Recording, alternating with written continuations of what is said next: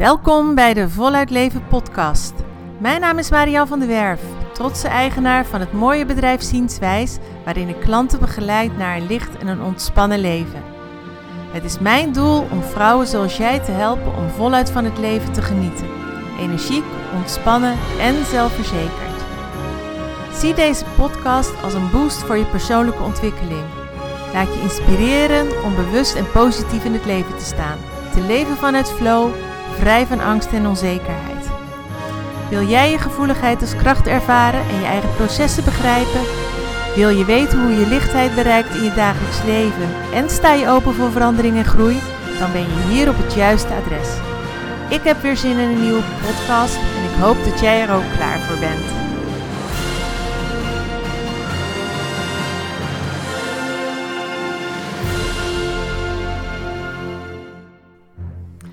Welkom bij weer een nieuwe Voluit Leven podcast.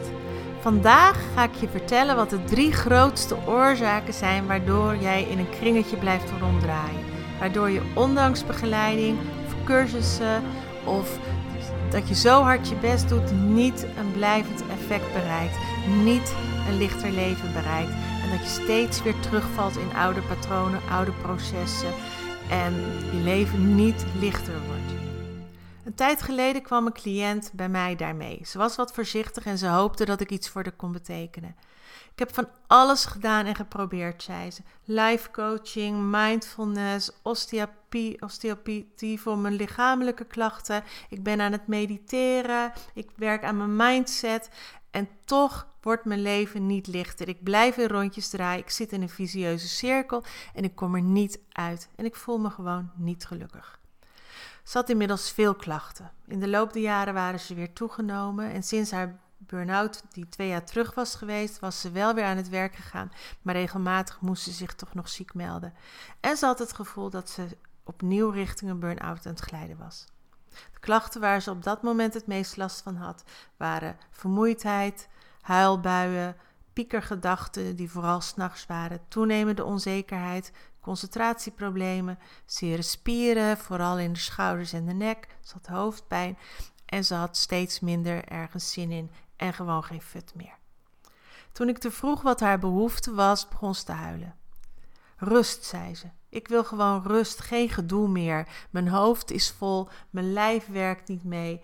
Ik wil er gewoon van af. Ik wil relaxed leven en niet me overal maar druk om maken en continu moe zijn. Dat is iets wat ik vaak hoor. En hoe komt dat toch? Dat er een visieuze cirkel ontstaat, ondanks dat er begeleiding is geweest, dat er hulp is geweest. En ik vertel je in deze podcast de drie meest voorkomende oorzaken waarom je niet het gewenste resultaat behaalt wat je graag zou willen. De eerste is dat er vaak wordt gekeken naar één ziektebeeld in plaats van dat er naar jou wordt gekeken als persoon. Helaas zijn er steeds veel meer behandelingen gestandaardiseerd. Er worden heel vaak kant-en-klare pakketten aangeboden, kant-en-klare vormen van therapie die bewezen effect hebben in bepaalde situaties. Maar dat wil niet zeggen dat het voor jou op dat moment het beste is. Ook al klinkt het heel erg aantrekkelijk.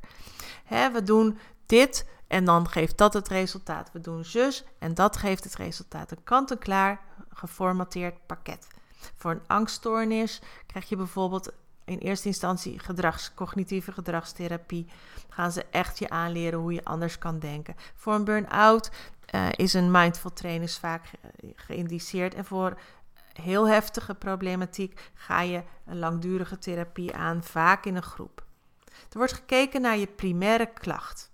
Maar is die klacht wel de oorzaak? Of is het een gevolg van iets anders? je kan bij wijze van spreken kun je heel veel rugpijn hebben. En uiteindelijk kan de oorzaak zijn dat je um, niet goed op je voeten staat. Dat je platvoeten hebt of dat je ergens scheef staat. Dat je steunzolen nodig hebt. Nou, dat is dan een lichamelijk voorbeeld, maar zo kan het ook heel erg bij jou zijn. Jij bent geen nummer.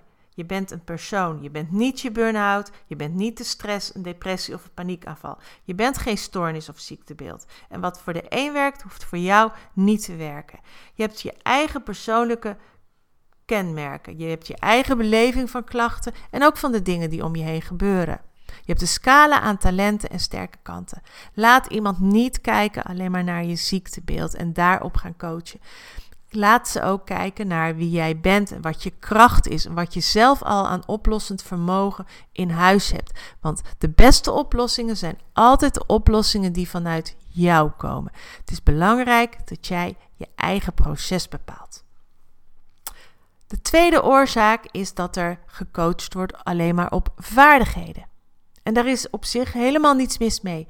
Er is beslist niets mis mee met het aanleren van nieuwe vaardigheden. En ik ben er een voorstander van. En ook in mijn begeleiding is dat altijd een belangrijk onderdeel. Want vaardigheden die je op bijvoorbeeld kunt trainen zijn uh, gedachten opdracht geven, overtuigingen ombouwen, positief denken, grenzen aangeven, feedback geven, nee zeggen, rustmomenten inlassen, mediteren. Dat zijn allemaal prachtige vaardigheden die je kunt aanleren. Maar dan moet wel de weg vrij zijn. En daarmee bedoel ik dat je er klaar voor moet zijn dat er, dat er geen onderliggende factoren meer meespelen. Een voorbeeld van zo'n ondermijnende factor is angst voor afwijzing. Als je deze diep gewortelde angst hebt, dat je bang bent dat mensen je niet aardig vinden, of dat je mensen niet teleur wilt stellen, of dat je bang bent dat je niet meer welkom bij iemand bent. Dat is vaak een hele diep gewortelde angst die aanwezig is. Dan moet eerst daaraan gewerkt worden. Want hoe kun jij nee zeggen tegen mensen? Hoe kun jij je grenzen aangeven? Hoe kun jij voor jezelf opkomen als je steeds onbewust deze angst met je meedraagt? Dan gaat het niet werken. En dan heeft die vaardigheden aanleren dus niet het resultaat wat je zou willen. Want je weet hoe je het moet doen, maar toch lukt het niet omdat er een onderliggende dieper gelegen oorzaak is die nog niet opgelost is. Dus kijk, zorg ervoor dat er gekeken wordt naar het totaalplaatje. En dan komen we gelijk bij de derde oorzaak waarom het vaak niet het gewenste resultaat heeft. Er wordt vaak niet gekeken naar een totaalplaatje, maar maar naar een onderdeel. Voordat je aan de slag kunt, is het belangrijk dat er een volledig beeld rondom je klacht is gevormd. En daarmee bedoel ik met een volledig beeld, hoe zit je in elkaar? Welke invloed heeft je gevoeligheid? Hoe is daarmee omgegaan in je jeugd? Hoe is sowieso je jeugd geweest? Hoe is je schooltijd geweest?